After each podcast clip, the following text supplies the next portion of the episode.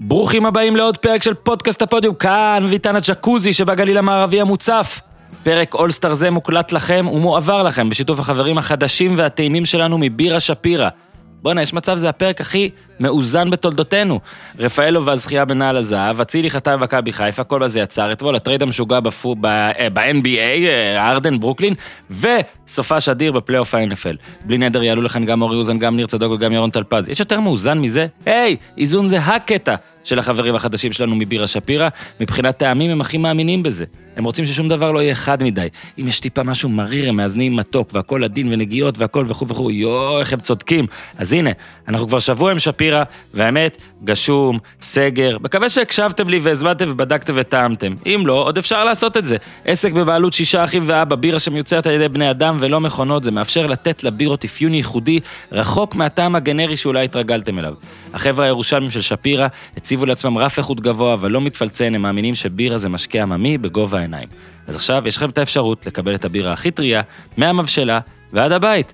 אח שלי, בלו, קיבל את זה אתמול, למושב בנעמי. היכנסו לאתר החדיש, shop.shapirobeer.co.il, יש שם עמוד מארזים, 12 בבוקים, 24, בחרו את סוג הבירות ואת הכמות, ובתוך כמה ימים זה אצלכם.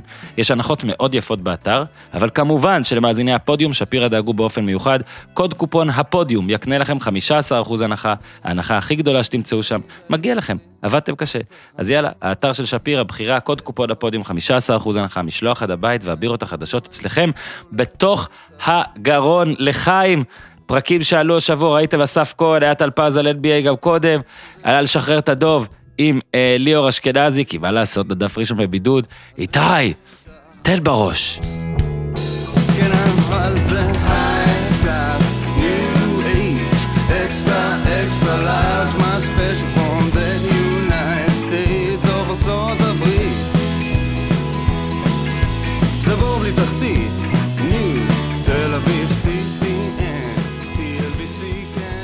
אהלן אורי אוזן, אהלן, בוקר טוב.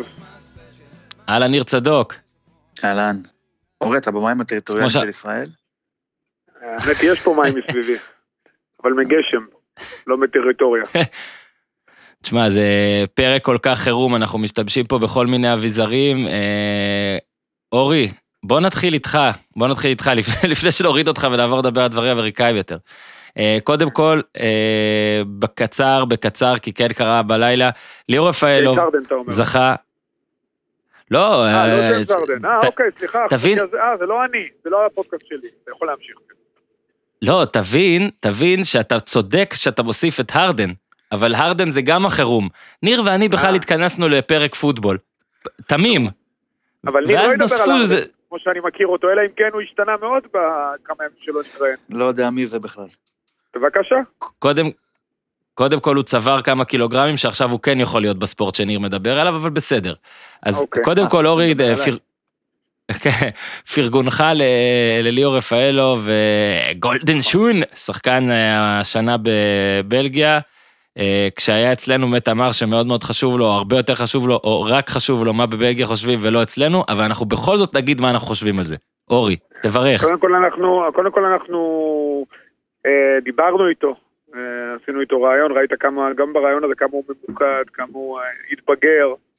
אה, אתה יודע, עוד מעט עשור אה, באירופה, זה באמת כאילו סוג של, אתה יודע, הוא עוד מעט סוגר עשר שנים, אתה יודע, הרבה שחקנים סוגרים עשר שנים באירופה כדי להימנע שהם חוזרים לארץ בתשלום מס. אז אה, ליאור אה, מקבל פה באמת אה, חותמת סופית על זה שהוא אחד הליגיונרים הטובים שהיו לנו, בטח בבלגיה, בלגיה המדינה שידעה הרבה ליגיונרים, אה, אתה יודע, בימי אוחנה, רוזנטל ותקווה האגדיים, אה, וכמובן אליניב ברדה, אני חושב שליאור אה, אה, שווה שם לכולם, כולל ברדה שעשה קריירה נהדרת. תשמע, זה באמת דבר יוצא מן הכלל, כשהוא עזב את ברוז' הרי כולם אמרו, זהו, אתה יודע, עובר לקבוצה קטנה, מתחיל לדוח, והחזרה לארץ היא מעבר לפינה, וליאור הוכיח אחרת, וראינו גם ברעיון כמה הוא בוגר, באמת הישג אדיר, אחד ההישגים הכי גדולים של ליגיונר, נכון, זה לא הליגה האנגלית, לא הספרדית, לא הגרמנית, אבל עדיין להיות השחקן הכי טוב בבלגיה, אחרי שקבוצה שלך שחררה אותך, והלכת לקבוצה אחרת עם שאיפות פחותות, הצלחת להוביל אותה לתואר, מול הקבוצה ששחררה אותך, עם המאמן ששחרר אותך, אה, שאימן אותך ופתאום כנראה עשה מקח טעות. אה, הישג גדול, אני מאחל לו עוד הרבה שנים בבלגיה, ש... כשיחזור לארץ, שזה יהיה לדברים אחרים ולא לכדורגל, ויסיים את הקריירה שם. עושה קריירה באמת יוצא מן הכלל. אה, אתה יודע, ואולי השנה גם יביא עוד תואר עם אנטוורפן. אז אה, זה בכלל ייתן לו חותמת ל... אתה יודע, לכולם שנת 2020 הייתה שנה הזויה ומטורפת, אז גם לרפאלוב, אבל אנחנו רואים שלפחות אצלו זה בפן החיובי. כן, הזו- הזויה לטובה, אז באמת אה, ראיתי, זה תשעה שערים, ארבעה בישולים ב-2020 בכלל, אני משער שהעניין של הדוורפן, גם, אתה יודע, גביע ואירופה, הכל עזר, ו, והוא באמת אהוב, זאת אומרת שזה גם עזר, זה בחירה הרי של עיתונאים ושחקנים, וממש משמח, הוא, שמע, הוא התראיין בימים שלפני, עכשיו, כי הוא כל כך התרגש, וזה ממש ממש אה, משמח לראות זה. אה, עברתי בוויקיפדיה של הפרס, לא היה ישראלי שזכה בפרס, יפה מאוד, ליאור נכון. רפאלוב. אז אה, שוב, אה, חירום אחד, הזזנו, ברכות. ניר, אנחנו עוברים לחירום השני. עומר אצילי, חתם במכבי חיפה. אתה יודע, אז ידענו זה הולך לקרות, אז אני, כבר אנשים התחילו להתבטא, והתחילו להגיד את דעותיהם, והתחילו הוויכוחים וכל הדברים, ואז זה קרה, וזה כאילו צונאמי. תן את עמדתך, אה, ואני יודע שיש כל מיני דברים לדבר עליהם, כולל אולי ההודעה, ואיך זה קרה, ומה זה קרה, ובוא פשוט אה, תתחיל עם התחושות הראשוניות. תשמע, לי זה היה, אה, באמת, דיברת על ההודעה. לי זה היה מוזר לראות שאני, נכון שגם יעקב שחר צוטט בהודעה, אומר שצריך לתת הזדמנות שנייה, וצריך לסלוח וכאלה וכאלה, אני- סליחה אם אני לא מצטט במדויק, אבל נראה לי שזה היה רוח הדברים, נכון? תקן אותי אם אני כן. טועה. זו רוח אבל בכל הדברים. זאת, מה שאני ראיתי בליד של ההודעה, זה שהוא מתנצל על הקריאה מכבי חיפה חיזבאללה. עכשיו, אני לא רוצה להגיד שבמצבים אה, סטנדרטיים זה לא משהו שאני, שלא היו מתייחסים אליו. ככה העולם הזה עובד, כן? גם אם זה נשמע לנו קצת ילדותי, יש איזשהו עניין של אה, גאוות אה, יחידה, תקרא לזה, או כבוד של יריבות והכול. אז כן, בימים סטנדרטיים הייתי יכול לדמיין שעומר אצילי, מעברו למכבי חיפה, ילווה באיזושהי הכחשה של איזו אמירה שהוא אמר אה, בזמנו במכבי תל אביב. למרות ששוב, אני מניח שלכולם ברור שהוא בסך הכל גילם איזשהו תפקיד שהוא היה אז, כן, וזה חלק מדרישות התפקיד לפעמים, להיות אה, קיצוני או לומר משהו על הקבוצה השנייה, אבל עצם זה שבן אדם ברור שהוא צריך להתנצל על משהו הרבה יותר חמור מזה, המילה מתנצל מוזכרת בהקשר הזה, זה אני ראיתי בזה טעם לפגם.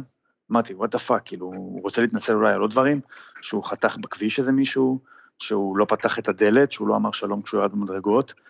אם עומר אצילי, וזה בסדר, זה זכותו, להחליט שהוא לא רוצה להתנצל על הסיפור ההוא, לפחות בואו לא נזנה ונגחיך את הסיטואציה וניקח ממנו התנצלות על דבר שהוא שולי הרבה יותר. אני שלא, לא, לא, אני הייתי עושה אחרת, אבל אה, בסדר, החלטה שלהם. וה... טוב, אנחנו נעשה פה את הפינג פונג הזה רגע, אז אורי, בוא רגע מנקודת המבט, ושאלנו אותך על זה כמה פעמים, אה, אתה גם אה, אה, מאמן, ואולי תהיה מאמן בוגרים, אנחנו מאחלים לך את זה, ותקבל החלטות כאלה, ואתה שיחקת, ואתה יודע קצת, אה, בוא נגיד, מעבר.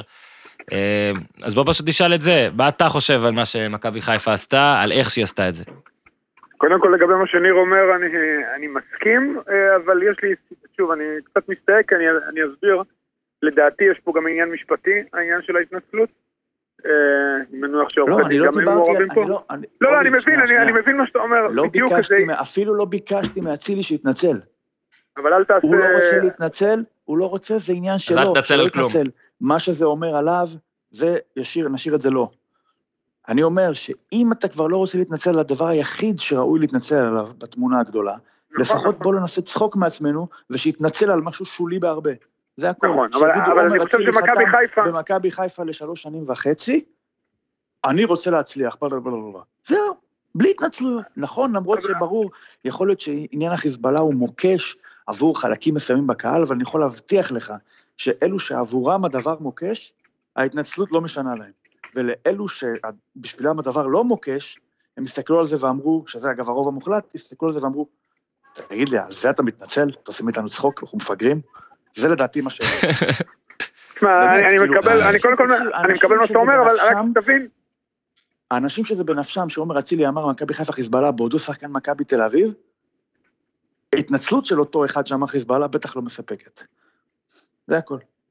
אני קודם כל מקבל את מה שניר אומר, אני, אני, אבל שוב, בעניין הזה, אה, אני חושב שכל המהלך הזה הוא פחות קשור לאצילי, יותר לכל מה שאתה יודע, למערכת של מכבי חיפה, שהיא זאת שאני מניח שזה ברגע שאצילי הדברים התחילו לזוז, הם חשבו על איך מחזירים אותו, מה חשוב בעיניהם לפחות, להתנצל או מה לא, איך להתנצל. בסדר. כמובן בהתייעצות עם השחקן, הסוכן, ואני, שוב, אני מניח שגם עורך דין היה מעורב פה. כן צוין על ידי ינקלה שרה שתהיה עבודה למען הקהילה, אני חושב ששוב, כל הדברים האלה, אתה יודע, הם, אה, הם, שוב, המקרה הזה הוא מאוד בעייתי, אבל אני, אני אתחיל בהתחלה. מבחינה מקצועית, בוא נתחיל מבחינה מקצועית, אני חושב שזה רכש נהדר. למכבי חיפה. רכש נהדר למכבי חיפה, אה, היום קראתי אה, שכותבים על אצילי, שהוא יצא לקפריסין בלחזור והוא לא קיבל עונש. אה, תשמע, אה, מבחינה מקצועית, נכון, אצילי עבר שנה לא פשוטה, אני חושב שמעטים היו אה, מצליחים להתמודד עם מה שהוא עבר בשנה הזאת.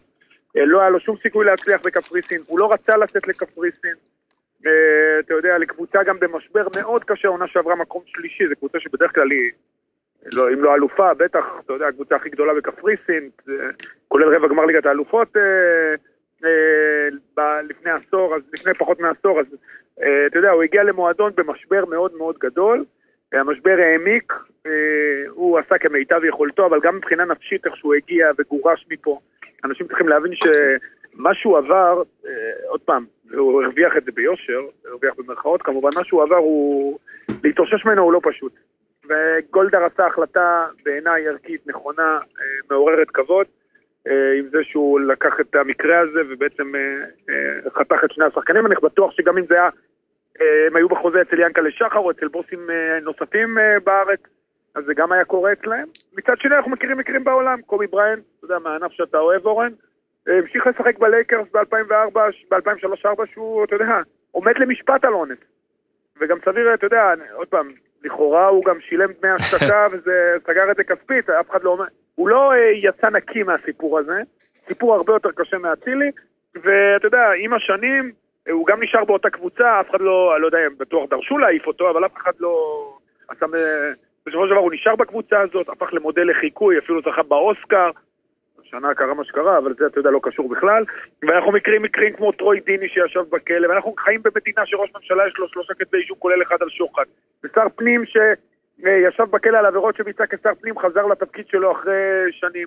זאת אומרת, אתה יודע, זו צביעות מאוד גדולה ליפול על שחקן כדורגל ששילם עונש, אה, שוב, היום קראתי שהוא לא שילם עונש כלכלי, הוא שילם עונש כלכלי כבד מאוד. אה, הוא קיבל מכה תדמיתית מאוד קשה, זה לא פשוט. אני גם מכיר את עומר, בבסיסו הוא ילד טוב. שוב, הוא עשה באמת טעות קשה, אה, שפגע, אתה יודע מה, זו טעות שפגע גם בכל הענף, כל פעם אני קורא את זה, הכדורגלן הישראלי, הכדורגלן הישראלי, כאילו רק בארץ, אה, קודם כל רק, רק הכדורגלנים חוטאים וזה רק הכדורגלן הישראלי. לא, הדברים האלה קורים בכל העולם. יש, אתה יודע, באנגליה, באמת בכל העולם. זה אנשים צעירים עם אה, הרבה כסף, שהיום בעידן הרשתות החברתיות הם מאוד מאוד זמינים למי שרוצה ליצור איתם קשר, או מי שרוצה ליצור איתם קשר. אני חושב שהם באמת עשו טעות קשה והם שילמו עליה מחיר כבד, אבל מתי נעניש אותם? כאילו, אני קראתי גם בין השורות, ולא כן, יודע, אבל אנשים לא מתייחסים לזה. יש- יש רגע, אנשים עניין לא מתייחסים לזה שיאנקלה אומר שהוא כן יעשה פעולות למען הקהילה, הוא כן יעשה, שוב, אני מניח שזה עניין משפטי גם, ניר, אתה תבין, אם הוא מתנצל או מודה, או אני לא בדיוק יודע, שוב, על פניו, הוכח מעבר לכל ספק שהם הוטעו, שוב, הם לא היו צריכים לעשות לא את זה, יכול בטח אומר שהוא נשוי, אני- לא כן, יכול אני להסביר לך עד כמה זה לא מעניין אותי אם הוא יתנצל או לא. זה לא עניין שלי. זה אבל זה. לא רק אתה, אני רואה את כל ארגוני הנשים, אתה יודע, פתאום קמות, ופתאום הכדורגל כל כך מעניין אותם. זה לא- לא- אני לא שואל אותן, רגע, רגע, אני שואל לא, אותן, אני שואל אותן, לא אני שואל את. ארגוני, אני שואל את ארגון הנשים. המקרה אבל היה לפני חצי שנה, בית המשפט, שוב, המשטרה, המשטרה, זה אפילו לא הגיע לפתחו של בית המשפט, אמרה שאין על מה להגיש כתב אישום, שהשחקנים האלה הוטעו, אה, הם עשו טעות קשה, אני לא מצדיק את המעשה שלהם אפילו לשנייה, שילדה בת 13, אוי ואבוי, אתה יודע, רק המחשבה הזאת עושה לי באמת צמרמורת, אבל... כן, והיא לא הייתה בת 13, בואו נשים את זה. לא, אני אומר, היא עוד שנתיים שמה, כן, אתה מבין? זו סיטואציה, אתה יודע, לכל מי שיש בנות או אחיות. ואני בטוח שגם אצילי עצמו אה, ומיכה, אצילי ומיכה בעצמם מצטערים מאוד על מה שקרה. הם עשו באמת טעות קשה, אבל אה, אתה יודע, אני חושב שההתנפלות הזאת בחזרה, באמת, כאילו, זה היה ברור שזה יקרה, והדיון סביב הנושא הוא מבורך, ואני מקווה שבעקבות הדיון הזה והעד התקשורתי, השחקנים יחשבו פעמיים אם הם אה, אה, עושים, אה, אתה יודע, כשהם מגיעים לסיטואציות דומות, אני מקווה שאף אחד לא יגיע לשם, אבל כשהם מגיעים לסיטואציות האלה, יחשבו פעמיים, היום אנחנו בעידן שבו הכל יכול להיות מתועד, ואתה יודע, יכולים להיות דברים אה, מאוד בעייתיים, אתה עושה דבר כזה, בטח שאתה אה, איש משפחה, אבל אני חושב שאני מקווה. תשמע, אורי, כל זה- כל זה לומד כבר- זה. בדיוק, עזוב, כל זה כבר היה. זאת אומרת, אתמול מה שהיה, זה שיעקב שחר קיבל החלטה. עכשיו, אני הוא קיבל את כתבתי קצת ההחלטה לפני, בפייסבוק אורן, זה. אתה יודע. הוא קיבל את ההחלטה נכון, לפני. אתמול אבל, אתמול זה קרה, אוקיי? עכשיו, זה. אין לי, אין, אין לי אפילו מילה עם מה שניר אמר, אני לא... אני פשוט מסכים, מסכים לגמרי, ברגע אני שאתה... אה, ברגע שאתה מתנצל על דבר אחד, זה כאילו, רגע, אז אם על זה אתה מתנצל, זה אומר שאתה לא מתנצל על הדבר הזה? עכשיו בואו, כן, נרחיב במשפט את מה שאתה אמרת.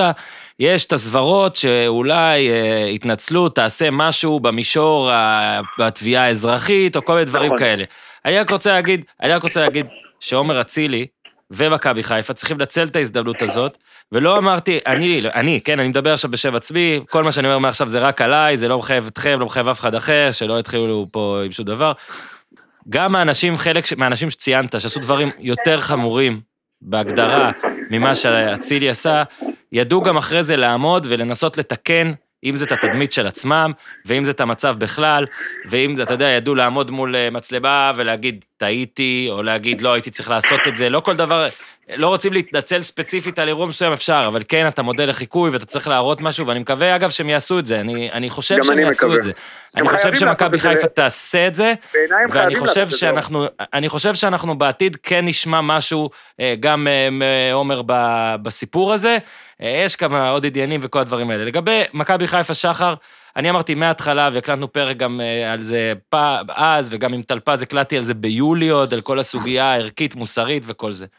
אין לי שום בעיה עם מה שיעקב שחר עשה, אין לי שום בעיה עם מה שמכבי חיפה עשתה. זה לא הופך אותי למעודד אה, מה שקרה או למעודד התרבות הזאת, זה לא הופך אותי, ל... אני לא אומר שהנערות האלה עשו משהו שהן לא עשו, אני לא אומר שהם שיק... אני לא אומר כלום, אני פשוט אומר שבמצב נתון, אוקיי, יש שחקן שעשה משהו אה, מוסרי אה, שהכעיס הרבה אנשים, וזה משהו שהוא בעיניי באופן אישי זה חמור, כמו שאמרת, אבא לבת, כל הקלישאות האלה, בסדר. אוקיי, אני לא מזלזל בזה, אבל מה שאני אומר, זה שלפליליסטים מגיעה הזדמנות שנייה, אז ברור שגם למוסריסטים.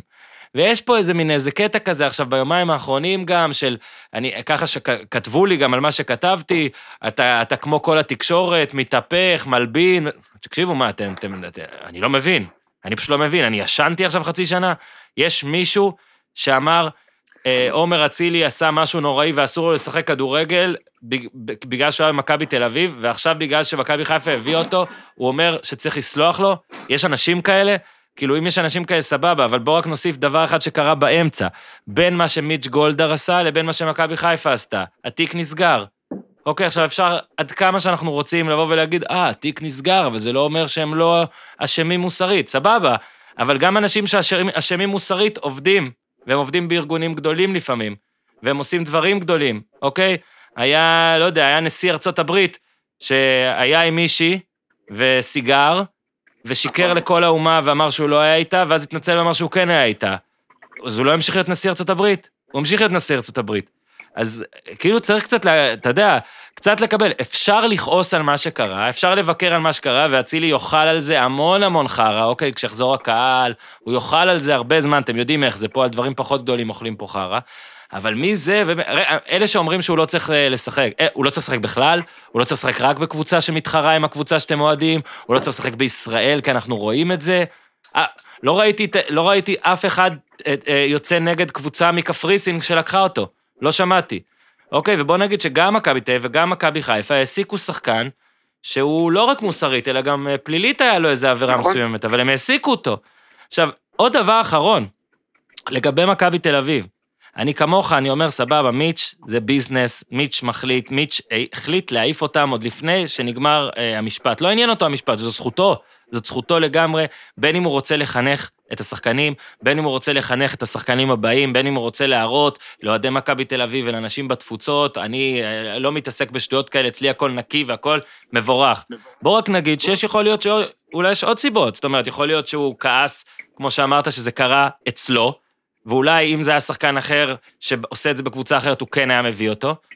יכול להיות שהוא כעס על זה שאחרי שזה קרה, לא שיתפו פעולה מהר, או היה צו איסור פרסום שזה החתים את מכבי להרבה זמן.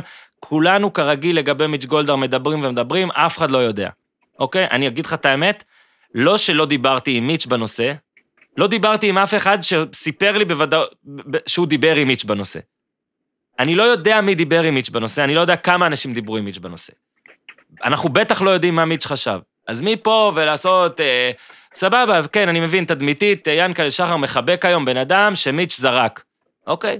אני חושב שההחלטה של מכבי חיפה היא בסדר, אני כן חושב שיש להם עכשיו אחריות קדימה, כן לעשות גם משהו טוב עם זה, אבל אה, חלאס, אה, כאילו, בקטע הזה לדעתי, אין משהו שהם היו יכולים לעשות, ודבר, אחרון לסיום המינילוג הזה, אה, תקשיב, אם ביתר הרי רצתה את אצילי, אוקיי, אצילי, אני לא יודע אם אני מחדש פה לאנשים, אבל לפי מה שאני יודע, הוא מאוד מאוד התלבט, מאוד... הוא, הוא, זה לא שהוא אמר לא ביתר, הוא מאוד מאוד התלבט, היו לו כל מיני נסיבות להעדיף את ביתר. אז אה, כאילו ביתר בסדר? או אם ביתר הייתה עושה את זה, לא היינו יורדים, כי משה חוגג צעיר ויעקב שחר הוא כאילו בחור מבוגר? חלאס יש עם זה. עוד משהו, אורן, יכלו הרי גם בקיץ, גם ביתר וגם מכבי חיפה, הרי התפוח אדמה הלוהט הזה עמד לפתחם גם בקיץ. הם יכלו, אתה יודע, לקחת אותו בקיץ, הם העדיפו, גם מהעניין הזה, כי זה היה מאוד חם, וזה, לתת חצי שנה, לתת, אתה יודע, את התקופה, ופשוט לא לגעת בו.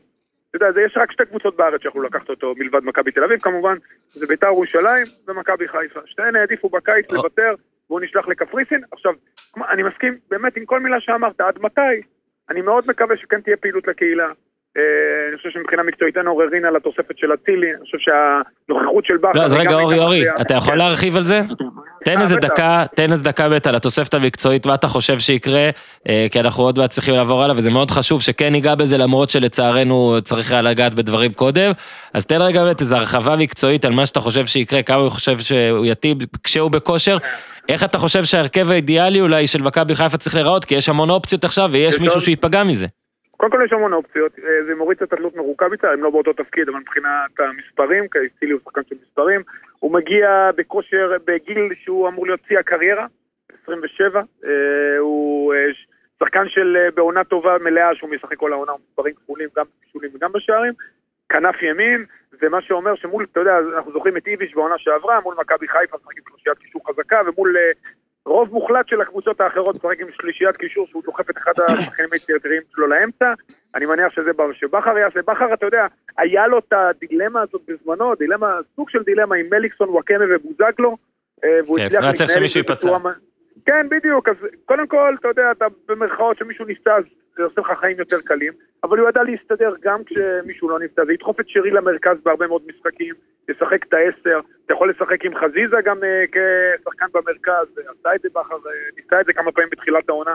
זאת אומרת, תהיה שם גם תחרות בריאה שתדחוף את ה... תרים את הרמה באימונים ותדחוף את השחקנים לקצה, אה, גם רוטציות, גם אפשרות להעלות שחקן מהספסל, אה, שייתן גיוון. אני מניח שאצילי לא יקבל את חולצת ההרכב מהרגע הראשון, אלא אם כן הוא באמת בכושר שיא, הוא פשוט גם שוחרר וגם אה, לא עשה חצי עונה טובה, וגם נפשית, אני חושב שעדיף לו להיכנס לאט לאט אה, לעניינים, אבל הוא יוסיף גם, אה, שוב, שחקן עם רגל, עם שחקן קו טבעי עם רגל הפוכה שמשחק בצד שמאל, ולא שרי שכל הזמן נכנס לאמצע, אתה יודע, הוא פשוט קשר, אז הוא פשוט מחפש את האזורים שלו כמספר 10, והשיתוף פעולה ביניהם יכול להיות מאוד מאוד מעניין. אה, תשמע, לבכר זה נותן המון אפשרויות, הם עדיין מחפשים עוד חלוץ, אתה יודע, כי התלות ברוקאביצה, כי הוא החלוץ הטבעי היחיד, היא מאוד גדולה, אבל אני חושב שזה נותן עומק למכבי חיפה, ומכבי חיפה גם לא מסתכלת אה, רק על החצי שנה הקרובה שבה היא אמורה להבטיח את האליפות, שנראית כרגע בהישג, יותר מבהישג יד, אלא אפילו, אתה יודע, אם להקיש חזק על עץ, גם מסתכלת על ליגת האלופות, על המוקדמות שבדרך, והיא צריכה שם את כל הכוחות שאפשר. מסתכלת על העונה, לא, על המוק... בסדר, אל תשכח שאין לנו נציגות בליגה האירופית, אז בעצם זה על מוקדמות הליגה האירופית, היא מפותחת. לא, לא, אני סתם עושה לך. פרובוקציות. אה, אוקיי, ואני חושב שמכבי חשוב, מכבי חיפה מסתכלת לעתיד. אצילי זה שחקן של שלוש-ארבע שנים, יכול להיות בשיא כושרו, בטח בליגה שלנו. הוא פחות הסתדר לו גם ביציאה לגרנדה, ושוב, לניקוסיה, אני לא שופט אותו על התקופה הזאת, הוא גם תפס את הקבוצה בתקופה על הפנים וגם נפשית. לדעתי היה בלתי אפשרי מבחינתו אה, להתאושש ולשחק כדורגל, מכבי חיפה תדע לעטוף אותו, להיות סבלנית איתו, הוא לא בא ליום-יומיים, הוא בא לשלוש שנים, ומבחינה מקצועית זו תוספת אדירה למכבי חיפה. אין הרבה שחקנים ישראלים בליגה שלנו שהם אה, שוברי שוויון שהם כאילו זמינים לקבוצה בישראל, רובם, אתה יודע, נגיד אחד כמו יונתן כהן לצורך העניין, שיש לו מספרים דומים לאצילי, אם הוא יהיה פה הוא יצא החוצה, הוא, הוא לא זמין למכבי חיפה או בית"ר ירושלים בשום צורה, אז אני חושב שהעבר של אצילי היא מהלך אה, חשוב של מכבי חיפה, מהלך שאולי אה, נסתכל עליו אה, עוד שנה וחצי, ונגיד שהוא מהלך מאוד משמעותי ב, ביחסי הכוחות בין אה, שתי הקבוצות הכי חזקות בישראל, מכבי חיפה ומכבי תל אביב. כן, ואני אני אוסיף רק דבר אחד, ובזה נסיים את הנושא הזה, לגבי הקטע, כאילו, בוא נקרא לו היותר מקצועי, למרות שהוא לא נטו מקצועי. יהיה מאוד מעניין לראות איך אצילי יתמודד עם כל הלחץ הזה, מכל האספקטים אגב, גם המקרה וגם איך שיגיבו לו, בטח כשיחזור הקהל, גם הבחירה של אה, מכבי חיפה על פני בית"ר ירושלים, גם, אתה יודע, שהוא היה במכבי תל אביב ועכשיו עובר למכבי חיפה, יש פה המון המון המון דברים וכוחות ש... שיפעלו עליו, נגדו, איך שתרצה לקרוא לזה, אני בטוח שמהמועדון אה, ממכבי חיפה הוא יקבל תמיכה, ועדיין צריך אופי חזק. אה, אצילי, תמיד, אתה יודע, אני לפחות אומר, תמיד הוא נראה, הוא נראה הרבה יותר צעיר ומתנהג הרבה יותר ילד מהגיל שלו, כל הזמן, אני אמרתי את זה, יהיה מעניין לראות עד כמה קשיחות אה, מנטלית תהיה לו. אה, אורי, תודה רבה, תודה רבה תודה שהוקפצת לפרק, אה, נעמת לנו מאוד, ואני רוצה לי? על איזה משחק פוטבול אתם ממליצים לי בסוף השבוע? אנחנו נמליץ לך כבר עכשיו על אה, ברי... אה, נמליץ לך על בריז נגד בריידי, אחד, אחד לפחות, לדעתי שניהם יותר מבוגרים ממך, אבל אחד בטוח, לא, תסתכל בטוח, איך בריז אנשים, לא. תסתכל ענף שלא צריך בו סחוס. נו, נכון. יאללה אורי, צ'או. אני אהיה שם. תהנו חברים, יאללה. ביי ביי. ביי ביי. הפסקה קצרה. כן, לספר, לאלה שעוד לא מכירים את הפודקאסט החדש שאו-טו-טו חוגג 20 פרקים, לשחרר את הדוב, פודקאסט מבית הפודיום, פודקאסט שמובילים דוב נבונה אורמיילי ונדב פרישמן יוצר קופה ראשית. השבוע נדב נכנס לבידוד, אבל מה לעשות? דוב דאג למחליף, שהוא ואתם אוהבים מאוד. ליאור אשכנזי, כבר היה, היה אדיר, גבה שלי. פרק מטורף בו העלו את נדב מבידוד, אבל כמובן גם את מי שהכניס אותו לשם. רמזי, שורוש. בקיצור, חוויה מערפלת חושים. אה, לזכור, בפיד נפרד, לשחרר את הדוב, לחפש אותו, ספוטיפיי, אפל, כל המקומות שאתם מאזינים, גוגל, לחפש, לשחרר את הדוב. אנחנו מאוד מבסוטים ממה שקורה שם, כל הפרקים, כולל שי אביבי, קרן מור, אמיר שורוש, יוסי מרשק, שלוש פעמים נועה קולר ועוד ועוד ועוד. חפשו לשחרר את הדוב בכל מקום בו אתם מאזינים לפודקאסטים. מזכיר לכם גם את השירות החדש שלנו, פודקאסט בהזמנה, פודקאסט אישי. רוצים להפתיע את בן בת הזוג ליום הולדת, אבא, אימא, עם משהו אישי עליה, עליו, יענו פרק מיוחד, משהו ליום הנישואין ה-80 שלכם, מזל טוב, או למשל רעיון למזכרת עם הסבתא הכפרה.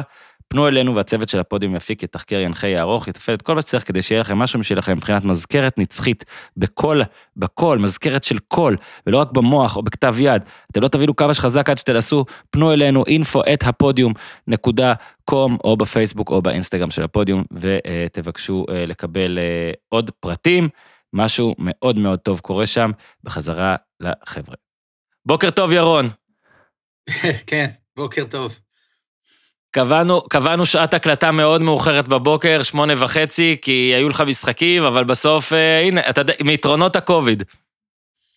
כן, אה, לילה רצוף זה, זה משהו שאני מעריך, אה, ו- ואני גם רוצה להודות לכל החבר'ה שמעורבים בעסקה הקטנה, שהם סגרו אותה ב-11 בלילה שעון ישראל. סוף סוף, כן. סוף סוף הבינו איפה השוק הגדול בעולם ול- ולמי צריך לכוון.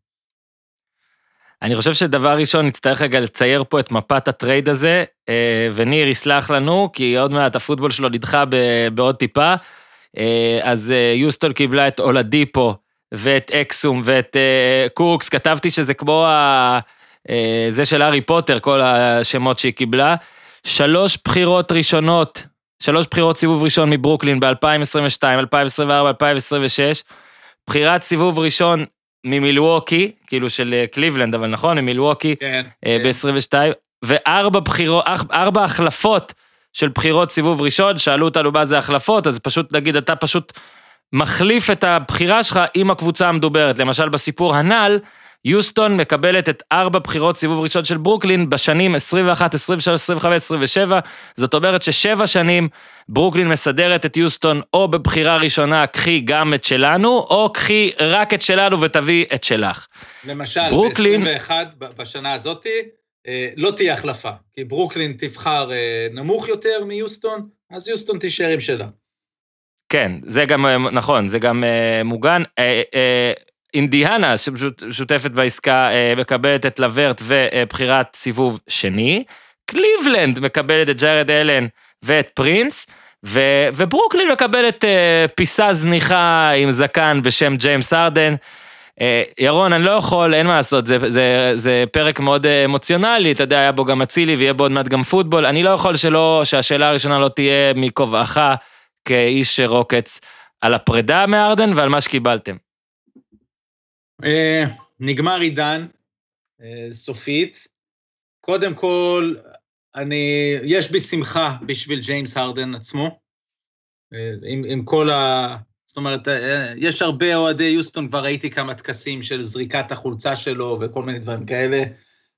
בגדול, עשה הרבה מאוד לארגון. הוא ניצח, שזה לא טוב מבחינת הפרספקטיבה של הליגה.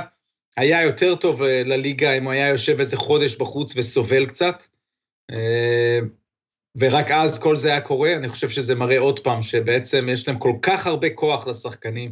הוא יכול לבוא ו- ובעצם לשים פס, שזה מה שהוא עשה בשבוע האחרון, בקושי זרק, עושה טובה, ואז הדבר הנכון היה באמת, אל תבוא לאימונים, אל תבוא למשחקים, נמשיך לשלם לך, אבל קצת לחנך אותו, זה לא קרה, אבל אה, מבחינתו, הגיע לקבוצה שהוא רצה, ומבחינת אה, יוסטון, אני מניח שהם אה, מסדרים לעצמם בראש שזו עסקה טובה, כי יש את כל הבחירות דראפט האלו, ובאמת אי אפשר לדעת מה יהיה, במיוחד בעוד איזה שלוש-ארבע שנים עם, עם ברוקלין נטס, למרות שיש לי תחושה עם הבעלות, עם הבעלים שיש שם, שאין להם שום כוונה אה, להיות באיזשהו rebuilding, אבל, זה ברור שזה לא יהיה עם החבר'ה האלה אה, כל השנים. אז אה, האם יוסטון יכלה לקבל את סימונס ומקסי למשל מפילדלפיה? לא, כי הסיקסרס לא הציעו אותם. אם היו מציעים אותם, זו הייתה חבילה יותר טובה. ברגע שזה רק סימונס וכמה בחירות, אני יכול להבין את יוסטון, שכנראה לא האמינה מספיק בסימונס והעדיפה גם אולדיפו, שיש לו יתרונות כי החוזה שלו לא הרבה שנים, אה, וגם אה, יותר בחירות דראפט. אז אין פה ניצחון ליוסטון, יש פה זזים קדימה, ואם נחזור לאיזושהי שורה תחתונה שאני חושב שהימרתי עליה לפני חודש, אני לא חושב שהם עושים פלייאוף העונה. אז זה לגבי יוסטון, בואו רק כן נגיד ש... קודם כל יש את השלישייה הזאת של עכשיו של ארדן, דורנט וקיירי, שרבים כתבו שהאם זאת תהיה הקבוצה הכי שנואה בתולדות ה-NBA. חשוב להגיד שזה, זו שנאה אה, אה, מודרנית כזאת, זה לא bad boys בדיוק, זה לא, אתה יודע, קבוצות ש... ש לא יודע, אפילו אתה רוצה ללכת על מיאמי בהתחלה שדורנט, שלברון רק עבר ויגדע סביב... זה פשוט שלישייה, בגלל שאני בישראל, אני מרשה לעצמי לומר, שמתנהגת לעיתים בצורה סייקוטית כזאת, מוזרה, פאסיב אגרסיב, כל אחד מהם הוא מין תיק בפני עצמו, מן הסתם תיק נאמבר 1 זה קיירי, כן, אין פה, יש, יש פה הבדלי תיקים. אני, אני מסכים לגבי מה שאמרת, שתחשוב הרי ארדן פשוט החליט לא לבוא, להיעדר, ללכת, לבוא, לא לזרוק, ואז להגיד במסיבת עיתונאים זה בלתי הפיך, ובום, ברגע שהוא אמר בלתי הפיך, פתאום הגלגלים זזו בטירוף. מרק סטיין, חברנו, עוד שעה לפני הטרייד, צייץ שיש התקדמות עם פילדלפיה, ובאמת העידן, העניין היה האם לצרף גם את מקסי וכל זה, וזה כנראה לא קרה, בגלל זה לא היה טרייד, ופתאום באה ההצעה המטורפת הזאת מברוקלין, שכנראה חששה מסדרת הציוצים הזאת, אבל תשמע, זה טרייד ענק. בוא רגע, אז רק נדבר שנייה בקצר, ואנחנו נרחיב על זה, יש לנו פרק NBA, אנחנו משתדלים לעשות אותו כל שבוע, נרחיב שם, אבל בוא עוד בקצרה רק על, על, על ברוקלין. מה אתה, מה אתה צופה, כן. איך זה ייראה? מן הסתם זינקו מאוד עכשיו ב, בסוכניות ההימורים כמספר 2 מובהק. הקלישאה אומרת שאין מספיק כדורים, בואו נפתח קצת מעבר. קודם כל צריך uh, לומר, uh, זה הסיפור המרכזי. אתה התחלת איתי עם יוסטון רק בגלל שיש לי את הכובע לא, של לא, יוסטון. לא, לא, ברור. אמו, ואני... אמוציות, אמוציות, אמוציות לפני היגיון טלפז, זה המוטו שלי. תודה, תודה רבה, זה היה חשוב. Uh, ברוקלין, uh, זה הסיפור המרכזי. אני, אני רוצה לחשוב שהרדן, יש לו עכשיו כפתור שהוא לוחץ עליו, uh, יחד עם השמפניה והחגיגה. שהוא עושה בכמה מועדונים, שהוא בטח כל הלילה. בעצם ברגע שאנחנו מקליטים את זה, הוא עדיין עכשיו באיזשהו מועדון, זה בטח במועדון השני, ויש לו עוד איזה עשרה אה, אה, לסגור את הלילה ביוסטון של פרידה. אה, אני מאמין, אני, אני מאמין בו. אה, אני מאמין בדורנט ואני גם מאמין עדיין בקיירי, למרות שהוא באמת האח- האחרון שאפשר לסמוך עליו פה. אה, אם זה היה רק דנטוני, הייתי אומר, אוי ואבוי, מאיזשהו מקום של יכולת לשלוט בהם, ונאש עדיין לא הוכיח שיש לו את היכולת הזו. ובכל זאת, אני רוצה להגיד שסופר מעניין, אני חושב שברוקלין עשו נכון. הכי כואב זה, האמת, שניהם כואבים, אה, גם לברט וגם אה, ג'רד אלן, אבל אנחנו בעידן שבו אפשר להחליף אה, את, את התוצרת שאתה מקבל. אולי ג'רד אלן קצת יותר נדיר, אה, אבל יש להם אה, את אה, קלקסטון שהם בחרו בדראפט כולם, אני גם רואה מה הם יעשו, הם מחליף לדיאנדרה ג'ורדן, ו- ומייק דנטוני יושב ומחזיק את הבטן. זאת אומרת, אה, באמת, סנטר, אתם מודאגים מה- מהעמדה הזו. ג'ף גרין שיחק הלילה, אה, הוא היה הרי סנטר ביוסטון, הם, הם, לא, הם לא בלחץ בכלל מזה, הם לא בלחץ בכלל מלמלא את השורות, למלא את הסגל. עכשיו השאלה, איך השלישייה הזו תתחבר, ואני אני חושב, ושוב, קשה לי להאמין שכל זה קרה בלי שקיירי בטלפון אה, אומר להם, אני בעניין, I'm all in, עשיתי פה חופשה של שבועיים, ואני כבר נכנס אה, כל הכוח. אה, אני מאוד מקווה שזה מה שקרה, ובטח KD אה, בעניין. ומבחינתם, גם אם זה לא קרה עם קיירי, אז עוד יותר, זו הסיבה. זאת אומרת, עכשיו עם הרדן ודורנט, אפילו אם קיירי לא בעניינים, הם יכולים ללכת הכי רחוק שאפשר. אולי לא, לא לאליפות, אין פה, הלייקרס דרגה מעל כל מה שראינו ובהרבה, כולל החיבור הזה. אבל עם השניים האלו, זה יכול ללכת אה, הכי רחוק שאפשר במזרח. אני אתן רגע דבר, אני אומר לך שאתמול ראיתי, אה, סגל היקר שלח לי גם איזה ציוץ, איזו ידיעה ש... שגם גם KD קצת כועס על איך שקיירי התנהל, ושבברוקלין מאוד כועסי, ושקיירי כועס על ברוקלין, וכל מיני דברים כאלה. ואז שלחתי להם ש... כאילו אז הרגשתי שיכול להיות שהטרייד יואץ. כאילו הספקולציה שלי זה אולי באמת הטרייד הזה גם בא כדי להראות לקיירי, טוב תקשיב, ירדת עכשיו מ number 2 ל number 3, תתחיל להירגע, אין לנו, אנחנו כן יכולים לעשות איתך דברים, אנחנו כן יכולים להעביר אותך, אנחנו כן יכולים לעשות לך הכל, כי יש לנו טוב גם בלעדיך, תתאפס. אה, אני מניח שהחזון, שהחלום הרטוב שלהם זה יצליח עם שלושתם. אני אגיד לך את האמת, קשה לי לראות את זה מבחינת כדורסל קורה, כי תמיד הדברים הכי הכי אה, מגניבים והחיבורים הכי מטורפים, חיבורים של רובוטריקים, במציאות זה קצת פחות קל. במציאות אתה צריך חיבור שהוא ממש על בסיס כדורסל. תן רגע ובזה נעבור הלאה, כי שוב, נרחיב על זה בעתיד. אם אפשר, איך אתה חושב שהכדורסל ייראה בהנחה ששלושתם משחקים? איך זה ייראה בכלל? כששלושתם משחקים יחד, אה, מאוד מאתגר. אה, זה נראה לי שזה יהיה מלא אייסובול, ופעם זה ופעם זה, והרדן יצטרך לעבור שינוי. כי כשזה היה עם יוסטון, קצת עם קריס פול, הוא היה הולך לפינה ולא מעורב. הוא יהיה, אה, פה האתגר, שוב, דנטוני הוא גאון, בעניינים האלה הוא גאון. אז זה רק איפה הלב של הרדן נמצא. ואם הוא באמת, אה, והיה את הדיווח הזה של סטף קרי, אה, שם, אה, כאילו הרדן אמר לסטף קרי ב-2019 באולסטאר, שנמאס לו כבר לשחק את האייסו הזה, והוא כן רוצה לחזור להנעת כדור. אז אם הוא שם נמצא בראש, אני לא בטוח ש-KD רוצה יותר מדי מושן ותנועה, אנחנו לא בטוחים לגבי קיירי. קשה, קשה לצפות את זה, אבל יש כל כך הרבה כישרון, אם יהיה להם את הרצון, אז אני חושב שזה יכול להיות משהו אה, יפה מאוד לעין. ושוב, הרדן יגיע, אה, פתאום הוא, הוא, כשהוא יופיע בברוקלין הוא יהיה פחות שני קילו, והייתי רוצה זה לומר, בטרייד. הייתי רוצה לומר, כן, הייתי רוצה לומר קליבלנד- גם בלי, בלי הזקן או חצי זקן, רק להראות את השינוי, זה משהו סמנטי שצריך לקרות. כן, אה, אולי באמת איזה חמישה פאונד עברו בטרייד אה, לקליבלנד, אבל קליבלנד באמת אז קיבלה סנטר, נסכם את זה, קליבלנד קיבלה סנטר להרבה שנים, ואינדיאנה לדעתי גם יכולה להיות מעניינת, אנחנו שוב בפעם האלף נרחיב על זה בפרק הבא שלנו. אה, בואו נעבור, נשאר באמריקה ונזוז עוד טיפה. טוב, אז באמת בואו נעבור רגע ל...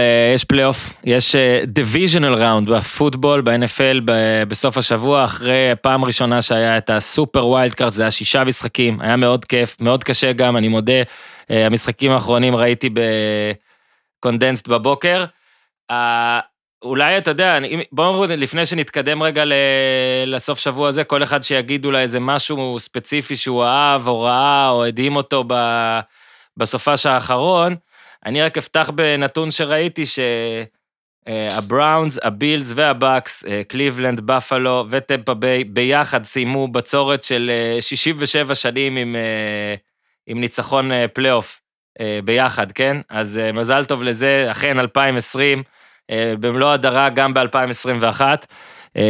בוא נתחיל, אז אה, ניר, אה, כי שתקת עכשיו בגלל ג'יימס הארדן, מה הכי הכי הרשים, הדהים, הפעים אותך בסופש האחרון שהיה? אה, אני חושב שזה חייב להיות המשחק האחרון, הרבע הראשון של המשחק האחרון. אה, מכיר אותו- מקרוב, אה, כמי ששידר את המשחק. אני לא זוכר מתי ראיתי פער שכזה בין חשיבות לביצוע. אני לא חושב שאפשר היה לחזות, לצפות התפרקות כזאת. זה בדרך כלל אומרים שאקדח שמופיע במערכה הראשונה, הוא יורה עד המערכה השלישית, נכון? זה עובד ככה? אני לא, לא למדתי תיאטרון. ככה המשפט. משהו כזה לא? לדעתי. משהו כזה. מערכה שלישית, האקדח- אני די סגור על זה. אז פה האקדח ירה עוד לפני שהוא הופיע. כי ברגע שה snap אה, של אה, פאונסי עבר מעל הראש של רותלסברגר, ונהיה 7-0 עוד לפני שמייפילד בכלל נדרש לעלות למגרש, אז אתה אומר, אוקיי, זה הכי גרוע שיכול להיות. בטח הם יתאוששו מפה, אולי, אולי ב drive הבא יהיה איזשהו three and out כזה, ואז הם יעצרו אותם בהגנה או דברים כאלה, וזה רק הלך והחמיר. זאת אומרת, ראית קודם כל משהו שאמרת, זה לא יכול לקרות, אני לא מבין איך זה קרה, ואז קרו דברים יותר חמורים ממנו. מייפילד עלה פעם ראשונה עם הכדור בתוך החצי של פיטסבורג, כשהוא מוביל כבר 7-0. כי ב drive הבא, אם אני לא טועה, רותלסברגר איבד את הכדור גם. אז כן. uh, כל המשחק הזה היה משהו שבכלל לא הספקנו אה, אה, לעמת את קליבלנד עם איזושהי אה, נחיתות, או רגשי נחיתות שלא נמצאים שם, למרות שבאמת גם אולי לשמור על יתרון 28-0 שמושג בצורה כל כך לא הגיונית, זה גם משהו שמחייב אופי, ואת זה הם כן הצליחו להראות, כי פיטסבורג התקרבה, אבל לא, אה, לא מספיק. אבל בטח ההתקרבות של פיטסבורג יצרה איזשהו לחץ על קליבלנד של אוי ואבוי, אנחנו הולכים להיות הקבוצה הזאת, שכולם אמרו, שכולם צוחקים על כמה שהיא לוזרית, ועד שהיא מגיעה לפלייאוף היא מובילה ב-28 הפרש, ועדיין מפסידה. אז גם זה חייב להיות, אה, להגיד משהו על אופי של קבוצה. אני, 30 אמשיך את, כן, אני אמשיך את תמשיך. ניר, אה, כאילו תיאמנו ולא תיאמנו. אה, הרגע שלי זה ב-35-23, כשקליבלנד מקבלת את הכדור אחרי שטומלין מחליט לא לעשות את הדאון הרביעי, ו... והייתי בטוח אה, שטומלין אה, צדק, כי הייתי בטוח שיהיה, שההגנה של הסטילרס תעצור אותם, ואז השדים יבואו. ו... וזה היה הלחץ הזה, כשאתה קבוצה קטנה, ושכאילו משיגה את היתרון בדרכים לא קונבנציונליות, אז, אז אתה פתאום מפחד ואתה אומר, רגע, איך, איך הגעתי לפה? זה לא שזה היה באיזה פוטבול הגיוני של אה, שליטה בקווים וכל הסיפור הרגיל, וכשהם באו ועשו את ה screen pass הזה לצ'אב, שעשה טאצ'דאון, וזה היה הרגע שלי, שבעצם שם הם הבינו, ב-35-23 עכשיו יש טאצ'דאון, אז זה עוד פעם אה, פער גדול מאוד, אחרי זה גם היה את ה interception האחרון, שגם ג'רוויס לנדרי, אה, ה receiver הלך לחגוג עם שחקני הגנה, פה הם הבינו סופית שהם אה, העיפו את כל הקופים אה, מהגב. אז אני חושב שזה הרגע הגדול, כי זה, כי זה הבראונס, עם ההיסטוריה שלהם, שלא ניצחו פלייאוף מאז 94. ועוד רגע אחד זה ה drive של בפלו, אה, עם Mhm. ג'וש אלן לגייבריאל דייוויס בפיגור ש- אה, 10-7, סוף רבע שני במשחק מול, אה, מול הקולטס.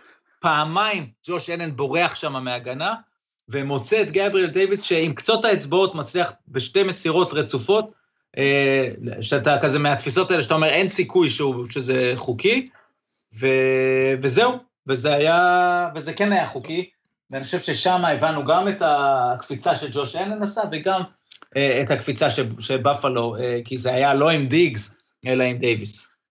כן, אז, אז זה גם הרגע שחוץ מכמובן הרגע הראשון בפיטסבורג שאני בחרתי, רציתי לבחור את אה, אלן בכלל, אבל אה, בואו רגע, כי כבר התחלנו עם קליבלנד, אז בואו נתמקד בקנזס סיטי קליבלנד. אה, ה spread שבדקתי הוא מינוס 10, זאת אומרת קנזס סיטי favorite ב-10. אנחנו כן רגע נחזור למה שהיה, כי מה שניר אמר ומה שמדהים זה באמת היה המהלך הראשון, ואתה אומר כל הזמן על פיטסבורג, אז יש חלק שאמרו כשהם הובילו, כשהם עשו 11-0 ניר, נכון היה במהלך העונה? ש... Mhm. אוקיי, זה עוד רגע, זה לא מצדיק 11-0, זה לא קבוצה מספיק טובה. אני חושב שאפילו אלה שהכי ביקרו אותם לא חזו meltdown כזה. 17 משחקים רצוף, אם אני, לא, לא, אם אני הבנתי נכון, אם ראיתי את הנתון הזה נכון, קליבלנד לא ניצחה שם. בוא נזכיר שפיטסבורג הרי העלתה את קליבלנד בערך לפלייאוף, כי, כי, כי העלו הרכב, בוא נגיד, פחות טוב, פחות, פחות, קשה להגיד פחות טוב, כי הוא היה יותר טוב בהרכב הזה, אבל אתה בא למהלך הראשון של הפלייאוף, איזה meltdown מטורף. אני, אני, אני לא יודע, טלפז, אתה שידרת, יכול להיות שפספסת את זה, כי זה מהלך ראשון, אבל אני לא יודע, אני מקווה שכבר התיישבת כשזה קרה. אני לא מבין, אחרי, אחרי ה snap, אז זה, זה היה ביג בן וקונור לדעתי רצו, היה נראה חוסר urgency מוחלט. עכשיו, חשוב, את מי אנחנו שמים מול זה? כאילו אנחנו אומרים, בואנה, זה נראה כאילו פיטסבורג לא התאמנה כל השבוע. קליבלנד לא התאמנה כל השבוע. קליבלנד בגלל ענייני קורונה לא התאמנה, המאמן שלה ראה את המשחק, אה, סטפנסקי במרתף, בלי טלפון, הוא לא היה מחובר, אוקיי? מאמן כן, ה... חשוב להבין שזה לא פה כמו כאן, שאתה יודע, מאמן מורחק בליגת העל, אז הוא עומד שורה אחת מאחורי הספסל, ובעצם, פה הוא לא הורחק, כן. אבל עדיין, כאילו, אסור לו בשום פנים להיות בקשר. מן הסתם אסור כן, עוד בספורט שיש אה, תקשורת. כללית, מוקדמת לפני המשחק, ונתנו איזה שהם קווים כלליים, אני בטוח שבקווים הכלליים שסטפנסקי נתן לואן פלט ולמי שהיה שם, לא הוזכרה האפשרות שפאונסי יעשה אה, לא. אה, snap כזה בהתחלה. ובכל זאת הם היו צריכים להסתדר לבד בלי מאמן. לא, אבל אתה יודע, הם שיחקו באמת, זה, מה שמדהים זה ההבדל ב... תשמע, להיראות ככה בלי מאמן. אה, במשחק הזה, במשחק החשוב הזה, זה באמת מדהים. יותר גרוע לדעתי זה להיראות ככה עם מאמן. עם מאמן, בדיוק. כמו שפיטסבורג... ו- ועם טומלין, שהטיקט של טומלין זה שהוא אמנם אה, אה, מחרבן לפעמים משחקים נגד קבוצות חלשות כשלא אכפת להם, או כשהם שאננים, או דבר כזה, אבל- אבל הוא כן נחשב ל... בוא נגיד, אחד זה לא אמור לקרות לו. אתה יודע, מה שבאמת היה יפה בעיניי לראות זה שכן נראה שיש איזה שינוי בקליבלנד, גם אם אתה לא רואה רק את השינוי המקצועי המטורף שהביא אותם לזה, ובאמת במשחק הזה, אז באמת הרבה מאוד מהעניינים היו בגלל פיטסבורג. קשה מאוד רק לפרגן לקליבלנד פה. אבל לדעתי קולין קאוורד אמר, עם זה הסכמתי, שקליבלנד הפכה מקבוצה פתאום, שאתה יודע, לא משנה איזה מאמן בא, זה נראה כמו אסון וזה, לקבוצה שגם אם קורה לה בשבוע הזה, שמע, השבוע הכי חשוב שלה, המשחקים הכי גדולים שלה, 20 שנה, משהו כזה, אין לה מאמן, אין לה את הגארד הכי חשוב, אין לה עוד שני שחקנים, היא לא התאבדה כל השבוע, והיא עדיין יכולה לבוא, ויודע מה, גם, גם לרצות ליפול על הכדור הראשון יותר מפיטסבורג, זה גם נראה לי משהו. אז אני אגיד לך משהו על זה, ואנחנו מפה לדעתי נעבור לקנזס סיטי, כן. שמה שחשוב בקליבלנד אמרת שסוף סוף משהו הסתדר שם, והסתדר לא רק במקרה, אלא הסתדר כמו שהם רצו, הרי סטפנסקי הגיע ממינסוטה בתור מתאם התקפה, שהובא מלכתחילה כשה ticket שלו הוא ticket של נכון לפתח את המשחק, משחק הריצה, גם עם קוביאק שהיה שם כמין יועץ מיוחד, והוא הגיע לקליבלנד בדיוק למטרה הזאת, גם כדי להפחית מהעומס על מייפילד שאולי לא, לא קווטרבק אידיאלי לשחק עם אה, 40-45 מסירות במשחק, וגם לפתח את הכלים הנהדרים שיש עם אה, צ'אב וקארים האנט, וגם שיפרו את קו ההתקפה, אמרת על שחקנים שנעדרו, ביטוניו הגארד שהזכרת אותו, שהוא בעצם אה, סוג של ג'ו תומאס החדש, ששבע שנים כבר בקליבלנד, ועד שמגיעים לפלייאוף אז הוא חולה בקורונה ולא יכול לשחק, והביאו את, הגר, את ה tackle הימני מטנסי, שהיה אחד מהמם. מהחוסמים של הנרי, את, אה, ברח לי השם, קונקלין אני חושב, מהמם.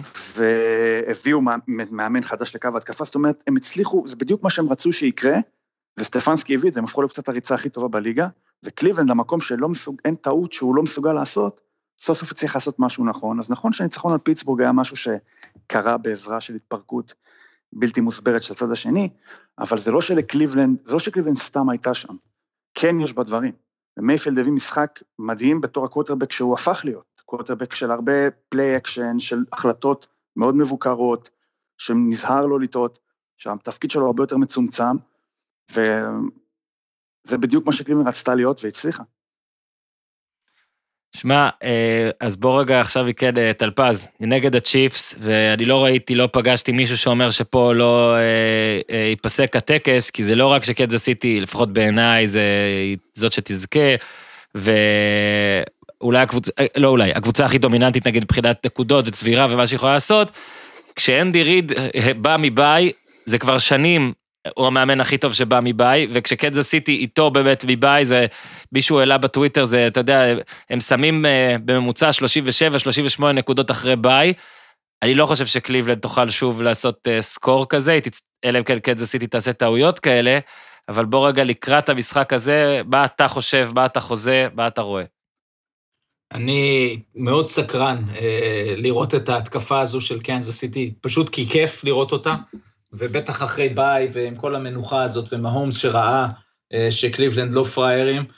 אה, יש לקנזס סיטי גם תכונה העונה הזו אה, להסתבך קצת, אה, למרות שהם לרוב מנצחים. אה, לכן אני חושב שזה יהיה מצוין ותענוג. וקליבלנד הראתה משהו בכל זאת בהגנה, אה, אה, זה לא רק רוטליסברגר שנתן להם את הכדורים, הם היו שם כדי לקחת אותם, אה, בטח באנרגיות, ועם סטפנסקי שחוזר, ובכל זאת זאת הייתה תוכנית המשחק שלו. בקיצור, יש vibe טוב, שאני חושב שזה יהיה משחק יותר טוב ממה שחושבים, וסופר מסקרן. ו- ורק עוד מילה על, על פיטסבורג בכל זאת, רוטליסברגר ופאונסי הם החברים הכי טובים. זאת אומרת, זה לא... אה, הייתה שם סצנה בסוף המשחק שרוטליסברגר יושב לבד, ואחרי זה פאונסי יושב לידו, ועכשיו רוטליסברגר צריך לחשוב אם הוא, אם הוא חוזר או לא. אה, יש לו חוזה 41 מיליון דולר, אם הסטילרס ירצו, אז איזו דרמה שם, קודם כל, מה הסטילרס יעשו עם זה, ואם הם ירצו, אני בטוח שהוא יבוא לעוד עונה, כי הוא לא יוותר על הכסף הזה.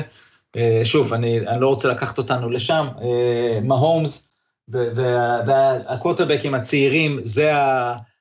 אתה יודע, זה הם מול, מול הזקנים, אני חושב שזה כל הכותרת של הפלייאוף הנוכחי. כן. מהומס, מהומס מוביל אה, עם ג'וש אלן את הקו הצעיר. כן, אה, זה... הזכרת את הספרד אגב, של קנזס סיטי, שהיא פלוס 10, חשוב להגיד שקנזס סיטי לא ניצחה ביותר מ score אחד את שבעת המשחקים האחרונים שלה, את האחרון היא הפסידה, נתעלם ממנו, כי באמת נתנו מנוחה להרבה שחקנים, אבל כל הניצחונות של קנזס סיטי ב... בסוף העונה הסדירה היו בהפרש של עד שבע נקודות, או, או אפילו באמת הרבה פעמים שלוש נקודות, וצריך ממנה להשיג down ראשון בסוף, או לחזור מפיגור, או לעשות איזשהו stand הגנתי כדי להבטיח את זה, ככה שאני לא רואה את קנזס סיטי אה, מנצחת בעשר נקודות את קליבלנד, אני חושב שזה יהיה צמוד יותר אה, מהספרד.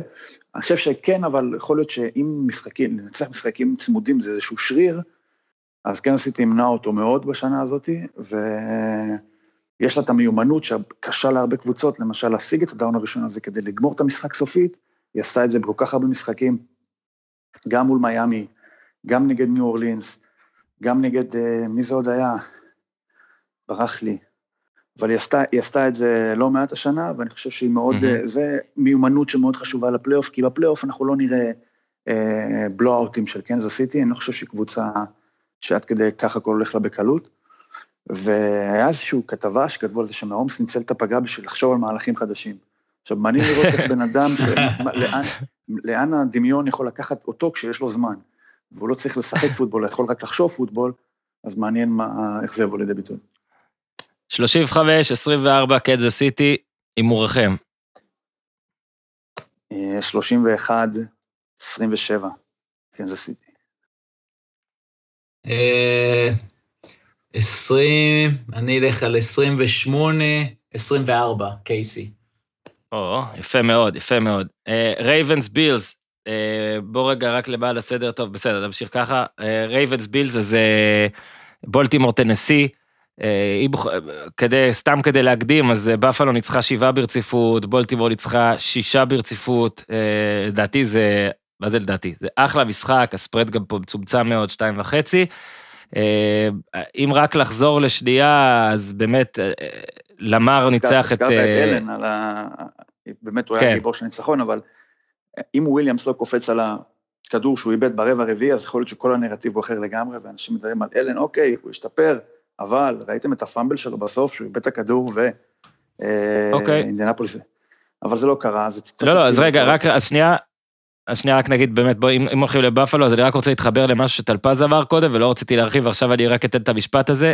היו לו שניים או שלושה מהלכים לאלן, שנראה שהוא באמת יוצא מגבולות המגרש, ופתאום זורק, וזה עובד, והעונה זה כבר כמה פעמים זה קורה, וזה מהלך שהוא הוא הופך להיות מזוהה איתו. זאת אומרת, מעומס עושה מלא דברים, אני לא מאלה שעכשיו יבואו ויגידו, לדעתי זה, זה לא קרוב, בסדר? מעומס זה משהו אחר, אבל אלן, עזוב את הכוח ואת הכל, מתחיל להיות הרבה יותר מדויק, וגם יש לו את המהלך הזה, אתה, אני בורח, אני בורח, אני עומד לצאת, הופ, אני נותן 20 יארד, 25 יארד, זה היה מדהים, אה, אז זה מה שהעליב אותי בו, ועכשיו ניר תמשיך, אה, אתה יכול גם לחזור שאל- קצת אלן ל... היה- אלן היה תמיד, תמיד, בשנתיים שהוא פה, אף פעם הוא לא נחשד בזה שאין לו זרוע מספיק חזקה, פשוט לפעמים הייתה חזקה מדי, והוא למד, אה, נקרא לזה, לאלף אותה, ואנחנו ראינו ב drive, בטאצ'דאון הראשון, אני חושב, של בפלו מול אינדיאנפוליס, את כל הדברים שאלן מסוגל לעשות. זה גם היכול, הוא השיג את הדאון הראשון של בפלו במשחק בריצה, אחרי זה הוא מסר לדיגס כדור מהמקום על 40 יארד במשהו שאתה, בעוצמה שאתה לא, לא, לא טבעית, זאת אומרת, לא, זה נראה אולי שאתה יודע, הם כולם, כולם יכולים לעשות הכל בתפקיד הזה, אבל זה לא נכון, לא כולם יכולים לעשות הכל. ואז בהמשך היה עוד איזשהו מהלך שגם, אם אני לא טועה, תוך כדי ריצה, הוא האריך את המהלך ואז יש לי מסירה. זאת אומרת, זה היה לגמרי הניצחון שבו, דבר אחד להגיד שאלן היה טוב בעונה הסדירה, ודבר שני להיות טוב בפלייאוף, במדים של בפלו, שזו קבוצה שלא קל להצטיין בה, לא קל שיהיה לה סוף טוב, אבל אני חושב שלא ראינו המון דברים טובים מבפלו חוץ מאלן, ואני חושב שמול אה, התקפה של בולטימור זה יכול להיות הרבה יותר קשה משזה יהיה מול התקפה די פוטנטית של אינדיאנפוליס, שקיבלה במשחק הזה את כל חומרי הגלם של לנצח, ולא הצליחה. המחצית הראשונה, זה שהיא נגמרה ב-14-10 לבפלו, זה אחת ההזיות. שאם אתה תריץ את המחצית הזאת אחורה ותלחץ על הפליי, ב-20 פעמים, ב-19 מתוכם אינדיאנפוליס תוביל במחצית. אם זה מהנקודה שבה הם התחילו את ה drive ב-36 יארד שלהם, לעומת השבע של בפלו, אם תחשוב על זה, בחמישה דרייבים שהיו לכל קבוצה, למעשה המגרש של אינדיאנפוליס התקצר ב-140 יארד, בהשוואה לבפלו. להגיע ארבע פעמים ל red zone ולעשות רק עשר נקודות, היה שם משהו שהוא מאוד ריברסי, מאוד, אה, מאוד אופייני שלא לא לעשות את, ה, את העבודה עד הסוף. בולטימור, כמו שהיא משחקת בתקופה האחרונה, אגב, ג'קסון זה נראה לי הבן אדם היחיד שחזר מקורונה טוב יותר, זאת אומרת, ההשפעות הנוירולוגיות אה, על ג'קסון הן טובות יותר.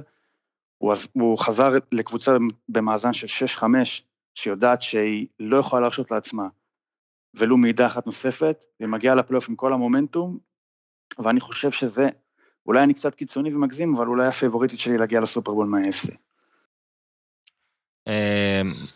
לא יודע, פייבוריטית אני אמרתי לך, יש קבוצה שאני שם, אבל דווקא כן נוטה במשחק הזה. טלפז, אני חושב שמה שעוזר לניר לחשוב ככה, וגם לי, זה באמת השילוב הזה של אמר, אבל גם ההגנה של בולטימור, שהצליחה להתמודד עם הנרי כמו שאני לא זוכר מישהו מצליח. אז אמנם בבפלו ההתמודדות היא עכשיו סוג אחר, היא תצטרך יותר להתמודד עם ריסיברים ואלן, ומשחק הריצה של בפלו טיפה פחות, בוא נגיד, מאיים גם ככה, וצריך לראות את ההתאמות האלה. אתה שותף לבאז, להתלהבות? אני, קודם כל, זה כל כך יפה לראות השפעה של, אני הולך אחורה כמה שנים, של אחד כמו ריי לואיס, על, על המותג הזה ועל על תרבות, אנחנו לגמרי. חוזרים למילה culture, שעד היום, כאילו, אתה פשוט תמיד חושש מההגנה של בולטימור, ואז היא, היא, היא מספרת את זה לעצמה כשהיא מסתכלת במראה, והם באים ו, וטורפים. ו... קודם כל, אנחנו הולכים לפני משחק שזה פשוט מהפנט לפעמים. יש קווטרבקים שאתה מאופנת למסך כשהכדור אצלם. למר ג'קסון זה אחד, וג'וש אלן מראה שהוא כזה, וכמובן מהומס. אתה פשוט חייב לראות מה יקרה. כי, כי יש להם את היכולת לרוץ, וכמובן הידית הזאת, שאגב, למר ג'קסון פחות מדויק משמעותית, אבל גם הוא, יש לו את היכולת לשחרר מהמקום בנפילה אחורה, כמו איזה slingshot כזה, שזה פשוט מטיס את הכדור 40-50 יארד, נסו פעם לזרוק כדור 25-30 יארד, ונראה אתכם. אז זה מדהים מה שהם עושים. אני מסכים עם הדאגה מבפלו, מקצועית, כאילו אני, אני שם, אבל אני, הלב דווקא הולך איתם. אולי הלב שלי איתם גם כי יש שם את קול ביזלי, שמאוד אהבתי אותו בדאלה, סתם מהעיניים האמוציונלי שלי. יש לי איזו תחושה ש, שזו תקופה אחרת בבפלו, והקהל, הגיע קהל למשחק האחרון, רק 7,000, אבל הם נשמעו כמו 70,000. ואני חושב כן. שבעידן הזה זה משמעותי. אז מעניין, אני... מעניין אם הורידו לגמרי את הקול של הקהל. אוקיי, ניר, יש לך תוצאה? תוצאה? כאילו לא חשבתי... תגיד משהו עם 18. לא. אני אגיד את זה 27... 23 לבולטימור. טלפז? אני אלך על השלושימים. אה, שתי הקבוצות יגיעו לשלושימים, דווקא על הפוך על הפוך, ו- ובאפלו מנצחת. אני אלך פה 28, 24, בולטימור גם, אה, לא קל, יודע מה? יודע מה? אני הולך 28, 27, בולטימור. בוא נעשה את זה, ניתן עוד רייטינג. ניתן עוד רייטינג לדבר הזה. אני בטוח שזה מה שיעזור. רק אל תגיד אה, בעיטה שפוגעת ב- בפוסט שם, בשנייה האחרונה. wide left, שעוברת wide left. ימינה, כן. כן. אז אה, עוברים ל-NFC, נ, נ, נתקוף את זה דרך הרמס פקרס, ואם כבר הימורים, אז הימור שאני אשוויץ עליו קצת, זה הרמס נגד סיאטל, שאיכשהו חשבתי שזה יקרה, ואני אני אנסה להסביר, אבל ההסבר שלי הוא זה שאין לי הסבר. אני לא יכול להבין את סיאטל, אה, היה לי השנה בפאנטזי לוקט, אז עקבתי אחריהם הרבה. אין שום יציבות אמיתית שם, גם בהתחלה, שזה כן היה כאילו יציבות, הם מסוגלים להיות הכי טובים בליגה ל-10 דקות, ואז הכי גרועים ל-20 דקות. הם עשו בבית 7-1, ואז אתה אומר, אה, אולי הבית שלהם כזה חזק, שבבית, אני מתכוון באצטדיון הביתי, ש, שהוא, שהוא גם בלי קהל הוא, הוא חזק, ואז הם באים ונראים ככה. אה, אני לא באמת יודע, אני רק יודע שהיציבות היחידה שם היא בהגנה, וזה לא ממש נראה טוב, אבל הנה, הרמס באו, שבכלל שם עם חילופי קורטרבקים, שחשבת שהמשני יפתח, אבל אה, אתה יודע, ובסוף הפותח פותח, ועדיין, כאילו לא פותח, הוא בא בדרייב השני, משהו כזה. ו... שמע, זה... אני מאוכזב מסיאטל, אני מאוכזב מסיאטל, אז אה, בואו רגע נקבור אותם לפני שנתקדם ונחמיא לרמז. ת- אני אתחיל הפעם. אה, כן. אני חושב ש, שפיט קרול הוא, הוא מאמן, אה, איך נקרא לזה, מעורר מחלוקת אולי, זאת אומרת, מצד אחד טוב מאוד, מצד שני, אני חושב שהם הפסידו את זה על מאמן. אה, מקווי, אה, קודם כל ההחלטה של, של הנהלת הראמס, שאני בטוח שמקווי היה מאוד מעורב בה, אה, לחתוך את אה, גרלי לפני שנה, שיחק אותה, זה סידר את העסק. עם כל זה שהם סופגים המון כסף בתקרת השכר, הם היו מוכנים לעשות את זה, וקאם אייקרס בא למשחק הזה והיה פשוט אה, מעולה. ו- ובגדול, אה, כנ"ל, אתה יודע, הם, הם חטפו הרבה ביקורות גם על אה, ג'יילן רמזי, על אה, כל הבחירות שהם כן. נתנו בשבילו.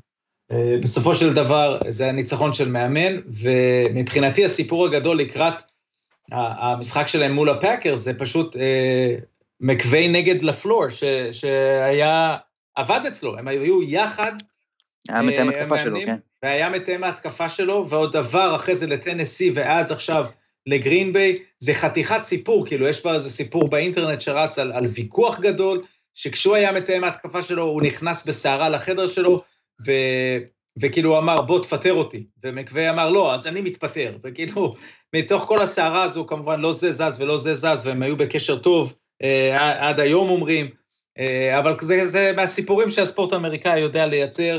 אה, ושימו לב, אגב, למשאפ שהולך להיות ג'לן רמזי על דוונטי אדמס, למשל.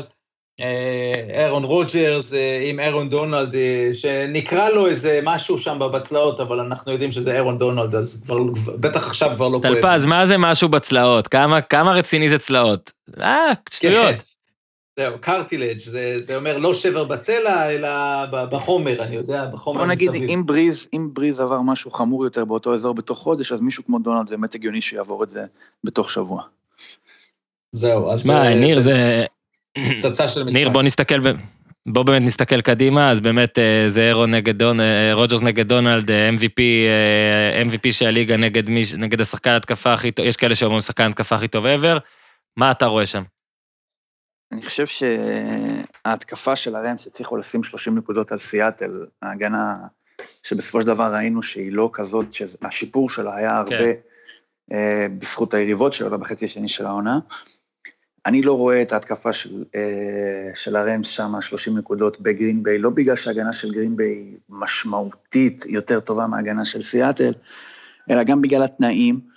אה, אני חושב שמה שהיה טוב לרמס שיחק להם, זה שהתחילו את המשחק עם קווטרבק מחליף, שאגב, בן אדם שאני לא חושב שהוא עדיין יכול להיות משוכנע שזה מה שהוא יעשה בחיים, להיות קווטרבק, וגם בטח שלא, כשהוא מחלף בגוף פצוע, אז ראית שזה זה עזר מאוד לרמס להתמכר לריצה, שזה טוב להם, כי גוף בכשירות מלאה לא בטוח שהוא עדיף על גוף פצוע, כי אז אתה באופן טבעי נותן לו יותר דברים שלא בטוח שהוא מסוגל, שהוא מסוגל לעשות. אני חושב שאני מקווה, התקווה של הרמס מבחינה התקפית לדעתי זה שהם ימשיכו להתייחס לגוף בתור משהו מוטל בספק, עד כדי כך שרוב הדגש צריך להיות על הריצה. השאלה היא באמת היחידה שתפתור את המשחק הזה, זה מה ההגנה של, גרין, של הרמס מסוגלת לעשות מול גרינביי. עכשיו גרינביי מגיע לשם אה, בלי הטאקל השמאלי שלה, בקטיארי שהוא השומר ראש של רוג'רס, אולי השחקן הכי טוב בליגה בעמדה הזאת. המחליף שלו הצליח להסתדר עם קליל מק במשחק האחרון, אני לא יודע אם הוא יוכל לעשות את זה גם מול דונלד, למרות שהוא לא בהכרח מגיע משם, אבל דונלד יש לו מין נטייה כזאת שאתה מרכז בו כל כך הרבה תשומת לב, שאחרים בהכרח פנויים יותר. ככה פלויד נותן עונה מדהימה אחרי כמה שנים לא טובות בשיקגו. אני חושב שההגנה של הראמס מסוגלת לעצור את גרין ביי, להוריד ממנה, להוריד אותה ל-0 ל-80 אחוז תפוקה, אבל בסופו של דבר זה יהיה too much to handle, ואני חושב שזה של גרין ביי להפסיד לגמרי, ואני לא חושב שבעונה כזאת רוג'רס מסוגל לעשות משהו שלא יגרום לו לנצח. בוא, שמע, זה גם יש פה המון מצ'אפים, אחד מהם נגיד זה רמזי שילך בטח על אה, דוונטה אדמס, רמזי יסתדר מאוד. רמזי הצליח לעצור את מטקאף והצליח, כן, אתה יכול להגיד שבאמת אדמס אולי השנה הוא הרסיבר הכי טוב בליגה, וכמה שזה מצחיק לזלזל במרכאות בווילסון, אפשר לומר שרוג'רס עולה עליו, אז אני חושב שזה באמת המבחן האולטימטיבי אה, לרמזי. אבל לגרינבי יש עוד כלים. יש את אה, טוניאן שנותן עונה מצוינת ב tight end, יש את ולדס סקנטלינג, למרות שיש לו נטיות אה, מגונות להשמיט הרבה כדורים. זה בום או bust. עדיין הוא, כן, הוא רסיבר, רסיבר אה, סבבה לגמרי. כל העונה הזאת, נתעכב על רוג'רס, אנחנו כולנו זוכרים, התחילה בבחירה בסיבוב ראשון של ג'ורדן לאב, כאילו מעין אה, עשו לרוג'רס כן. את מה שעשו לברט פארב בשעתו, שבחרו גם פחות או יותר באותה, באותו מקום, 20 ומשהו בדראפט. ואמרו איך יכול להיות שהקבוצה היא לא מסוגלת בדמדומי הקריירה של רוג'רס, ואלה כן דמדומים, למרות שהוא לא נראה ככה, להעניק לו סוף סוף רסיבר בבחירה ראשונה, משהו שהם לא עשו. לא נתנו לו, ודיברו על זה שרוג'רס ייקח את זה בתור איזשהו ונדטה כזאת, או להוכיח נקודה למישהו שהוא טוב. אני לא יודע אם זה, הוא, לא יודע אם הוא טוב ככה בגלל שהוא רוצה להוכיח למישהו משהו, אלא פשוט כי הוא טוב, אבל השנה הזאת היא... זה התחיל בתור איזה מרוץ משולש כזה לתואר ה-MVP בין ווילסון למהומס לרוג'רס, זה נהיה מהומס ורוג'רס, ועכשיו אני חושב שיש תמימות דעים שזה לגמרי של רוג'רס. לא, זה יהיה של רוג'רס בגלל אגב הסטטיסטיקה, ובסוף, אה, טלפז, אה, מסקנה ותובנה אה, אחרונה ותהמר ראשון.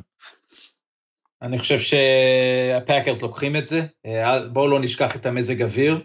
אה, נכון שאין את כן. הקהל, אבל אה, צריכים לבוא לנצח בגרין ביי, לנצח את רוג'רס בפלייאוף, בקור. כן, הם מאבדים איזה 20 ומשהו מעלות במעבר מאימונים בקליפורניה למשחק בוויסקונסין. זה עוד אלמנט בדיוק סופר חשוב, אבל בגלל, או בזכות העובדה שהרמס בריאים יותר העונה הזו, בריאים אה, מנטלית, בריאים מבחינת המקום שלהם כקבוצה, אז אני חושב שזה יהיה משחק צמוד, ואני אלך פה עם נגיד 30, 28, 28, בוא נעשה 17. אתה נופל כמוני, אל תחשב, אתה, אתה מתעסק בלחשב. סליחה, אז קטעתי אותך, תגיד שוב דקי, לא שמעתי. 28, 21, יאללה. סבבה, אז אני רציתי, אני אומר... אני 27-20 רציתי להגיד, כן? אל תגיד 17, אל תגיד 17, כי אני רוצה להגיד 17, כי אני לא רואה את הרמס מגיעים ל-20ים, אז אני אגיד 28-17. סבבה, אז אני 27-20. אה, תשמע, זה אחלה שבוע ואנחנו יותר מדי חושבים אותו דבר, אז הנה בוא נקווה שהמשחק האחרון, תשמע, איזה שבוע, איזה ארבעה משחקים. אז אה, טוב, דרבי הזקנים. אה, בריידי נגד בריז, באקס סיינטס, טמפה ביי, נגד ניו אורלינס. אה, מילה רק להגיד, אה, אפשר להגיד על וושינגטון, אה, שבסוף באמת אמרו בהתחלה, אתה יודע, הייניקי עלה, נכון, ואני לא זוכר אם זה היה שדר, או אני לא זוכר מי אמר, שאולי זה פער הקורטרבקים הכי גדול, לא רק באיזה גיל או משהו, אבל במשחק פלייאוף, אתה יודע, בין בן אדם שעשה כל כך הרבה לבן אדם שאני לא, אתה יודע, ניר, אתה תמיד מספר את הבדיחות של ה... אה, הוא בטלוויזיה, שהמשפחה שלו יושבת ולא מאמינה. כן. זה אולי לא היה איזו תצוגה מטורפת, אבל לפחות בעיניי זה לא היה מוטל בספק. אה, אם יש למישהו משהו מכם להגיד על אה, טמפה ביי וושינגטון, שיאמר עכשיו, הם, או שנעבור ל... מצחיק זה שהם הם חלקו, הם חלקו איזה חדר וידאו בזמן שהייניקי היה איזה שבוע ב practice squad של ניו אינגלנד לפני איזה שלוש שנים. כן. ועכשיו הם אה, נמצאו ביחד על אותו, על אותו משחק, על אותו מגרש. חושב שמבחינת וושינגטון, קבוצה עם upside מאוד גדול, שנה הזאת היא, לא חושב שהיו יכולים לבקש יותר מלהעפיל לפלייאוף ולעשות משחק יחסית תחרותי מול טמפה ביי. בעתיד זה יהיה הרבה יותר טוב אם ברגע שהם ימצאו קווטרבק ראוי ועוד איזה רסיבר או שניים, כי חוץ מזה, אני חושב שקו התקפה אה, יש להם, בוודאי שקו הגנה יש להם, ככה שהעתיד נראה טוב. זה לגבי וושינגטון. טלפז, טלפז, מה, נו, אחד המשחקים, בריז אולי יפרוש אחרי זה, אה, בריידי כנראה שלא יפרוש אחרי זה, לא אולי, לא ת- אולי, ת- הוא יפרוש אחרי זה. נכון, ברור. לא תהיה עוד. אה, כן, לא אולי בשני האולי- המצבים. האולי זה- האולי זה שהוא יכול לנצח, ואז יש לו עוד משחק. אה, נכון, אבל בוא רק נזכיר ששני משחקים, אה, ניו אורלינס אה, כיסחה את אה, טמפה ביי השנה, ותמיד בפוטבול אומרים שקשה מאוד לנצח שלושה משחקים באותה עונה. אני בתחילת השנה אשוויץ ואגיד שהימרתי שהסופרבול שלי יהיה קנזס סיטי ניו אורלינס, ואני מן הסתם צריך פה לשדר אה, יציבות, וכדי שיקבלו אותי לעבודות במשרות אמון, אבל אה, מה, מה אתה רואה במשחק הזה, איך אתה רואה את המשחק הזה מתפתח, או על מה, אפילו אתה יכול להגיד על מה נשים לב, פרט לשיגעון הזה. אני אוהב לדבר על המאמנים, אני חושב ששון פייתון אה, הוא היתרון הגדול של אה, ניו אורלינס. אה, למרות שעוד פעם, בקריירה מצוינת ש, שיש לו, אה, היו גם אה, ירידות. הסיפור של, מה שיפה זה שראינו, דווקא אני, אני, אני אלך על הדבר הבנאלי, אני אתמקד כן בבריס ו- ובריידי, שנראו מותר, אנחנו... איזשהו, איזשהו זיפ ל, ל, למסירות שלהם, שאצל בריס למשל, לא חשבתי שהוא יחזור, הזיפ הזה, ממש הייתה שם, פתאום הכדור עף. אה, ולא יודע, אולי הם לקחו איזה משהו, ואם כן, אז אני מברך על כך, אה, כדי שנוכל ליהנות מזה. וזה היה נראה טוב, זאת אומרת, זה לא פתאום ה dink and dunks הקטנים האלה כל הזמן, אלא פתאום יכולת גם ללכת עמוק יותר, וזה חתיכת קרב, אני, אני אשמח בשביל בריס, אני חושב שמגיע לו איזה ניצחון כזה על בריידי. בריידי פשוט ניצח כל כך הרבה בחיים בכל דבר כן. שהוא עשה. בדיוק, ש- ש-. שחרר, בדיוק, תן, עזוב, אתה הרי גם ממשיך עוד שנה, אז בוא תעשה את הסיפור יותר גדול שנה הבאה בטמפה, ותראה עוד פעם שאתה טוב, גם בגיל 44, ו- ו- ותן לבריס אה, ל- ללכת לפחות למשחק מול אה, רוג'רס אה, בגמר ה-NFC. תחשוב שאם אני- בריס מפסיד את המשחק כן. הזה, מעבר לסוף, שזה, העצב שזה באמת סוף, כי אמנם כבר הפסידו בשלוש שנים האחרונות בפלייאוף, ובהערכה, ובמנסוטה, ובצורות הכי דרמטיות שאפשר, תמיד היית יכול להגיד לעצמך, אוקיי, זו קבוצה טובה, יש תומאס, יש קמרה, הוא יהיה שנה הבאה, הוא לא הולך. עכשיו אתה יודע שהוא ילך. זאת אומרת, זה, זה באמת זה, זה באמת ההזדמנות האחרונה. עכשיו, יהיה משהו מאוד עצוב עם בריס, שמה שמאוד בולט בו זה שהוא עדיין בגיל 42 שמה, יפסיד לבן אדם היחיד שיותר מבוגר ממנו. זאת אומרת, יש, יש, יש משהו גם, בריידי, משהו לא הוגן בבריידי זה שבגיל 43 הבן אדם יותר טוב ממה שהוא היה בגיל 42. זאת אומרת, יש לו שיפור מאוד, אמנם זה מערכת אחרת, ושחקנים יותר טובים לידו, רסיברים והכל, אבל יש שיפור. בריס, אתה רואה, אז הזמן, הזמן ניכר בבריס. זאת אומרת, זה כן משהו שהוא נראה יותר, הוא יותר אנושי. למרות ששניהם לא אנושיים בזה שהם עדיין שם בגיל 42-43, אבל בריס הוא היותר אנושי בדו-קרב הזה. הוא הזה שנפצע יותר, הוא זה שמתקשה יותר, הוא זה שאפשר לזהות לגמרי את הדעיכה שלו, להבדיל מבריידי.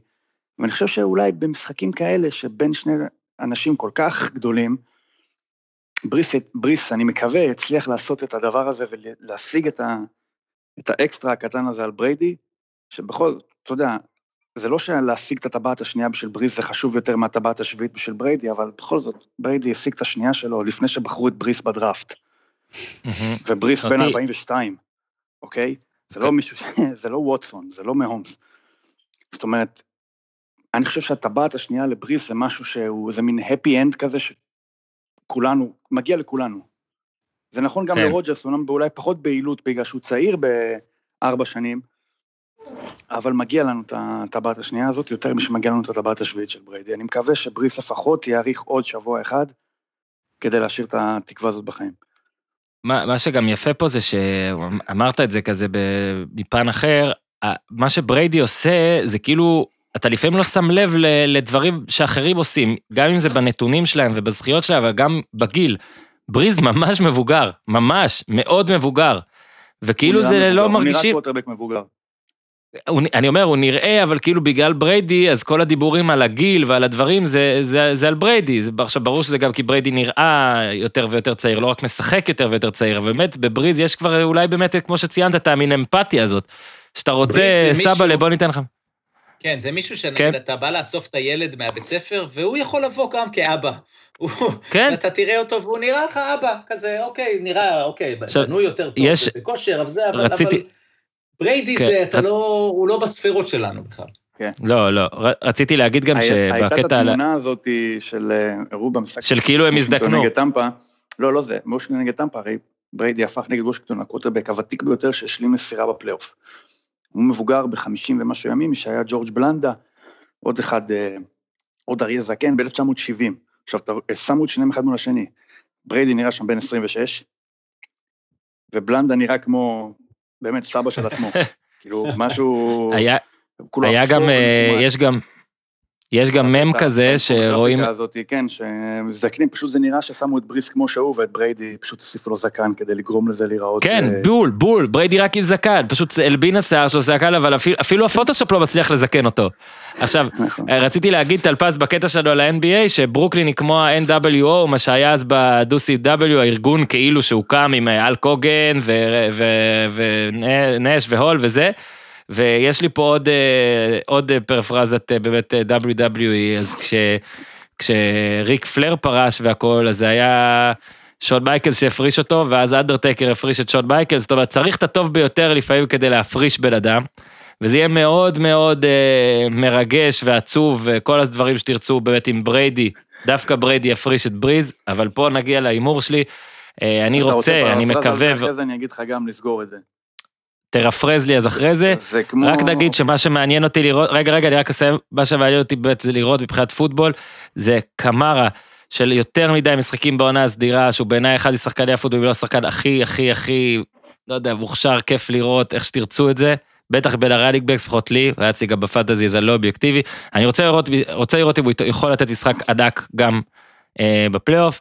ההימור שלי שכן, שהוא ייתן משחק ממש ממש טוב, וההימור שלי זה גם 28-24, ועכשיו ניר, תן את הפרפרזה, את ההימור שלך, ונמשיך. אז אני חושב באמת שאם בריידי יהיה זה שגומר את הקריירה של דרו בריס, זה קצת כמו אה, טוני סופרנו שסותם את האף של כריסטופר ב- באוטו, בסופרנוס. מין, אתה יודע, אם כן. כבר, שהוא, אם, שימות בידיים שלו, טלפז ראית את זה, כן? לא הרסתי לך עכשיו. לא, לא. אה, אוקיי, סבבה. כי אתמול כתבתי את זה בזה, ומישהו אמר לי, אני לא מאמין, הרסת לי את הזה. אחי, לא, די, נו, באמת. עברו לא, יש- 20 יש- שנה, כאילו. בדיוק, יש, יש, מותר, מותר. בוא נגיד, זהו, זה לא שגיליתי לך את הסוף של חזרות. סבבה? ועוד חזרות. כן, הזכ- הזכרת מקודם קצת את כן. ההפסדים של אה, טמפה ביי לניו אורלינס, אז אנחנו, זה ממש, אנחנו לא יודעים, בריידי, אף פעם לא ראינו אותו מתמודד מול יריבה שהוא הפסיד לה פעמיים בעונה הסדירה. זה לא, לא קורה, אז של, אני חושב שבאופן, אני מודאג מבחינת ניו אורלינס, כי באיזשהו זמן ניצחון כל כך אה, חד צדדי של 38-3, כבר מתחיל לשרת את הקבוצה השנייה באיזשהו מקום, אני חושב שלטמפה ביי חייב להיות כל המידע שהיא יכולה לבקש. אחרי הפסד כזה, ואני לא חושב שאנחנו לא נראה אותה שוב כמו קבוצה שרצה ארבע פעמים במשחק כמו שהיא רצה במשחק ההוא, לא נראה אותה קבוצה שעושה ארבע three and out ו interception בתחילת המשחק, גם חוזרים כן. שחקנים שלא היו שם, אנטוניו בראון לא היה. אני חושב שטמפה ביי תהיה יותר במשחק, ואני מאוד מודאג מבחינת בריס, בקטע של ה... אה, נקרא לזה, חסר להם את הפאנץ' כבר שלוש שנים, בטח שצריך, ואני לא, רואה- לא רואה איך המשחק הזה לא יהיה צמוד, ואני מאוד מפחד נכון. ששוב, פעם, הפעם הרביעית ברציפות, יקרה שם איזה משהו שיהרוס להם בסוף, אבל אנחנו אנשים אופטימיים, ולכן אנחנו נגיד 28-27 לניו אורלינס. וואי וואי, טלפז, הימור. וביי. 31-27 לניו אורלינס. תשמע, בוא נגיד שלפי הפרק הזה, לפי ההימורים שלנו, לפי מה שזה, אני אה, נרגש מאי פעם לקראת השבוע הזה, זה ארבעה משחקים שאני כל פעם משנה את דעתי איזה, איזה הכי גדול ממלא בחינות.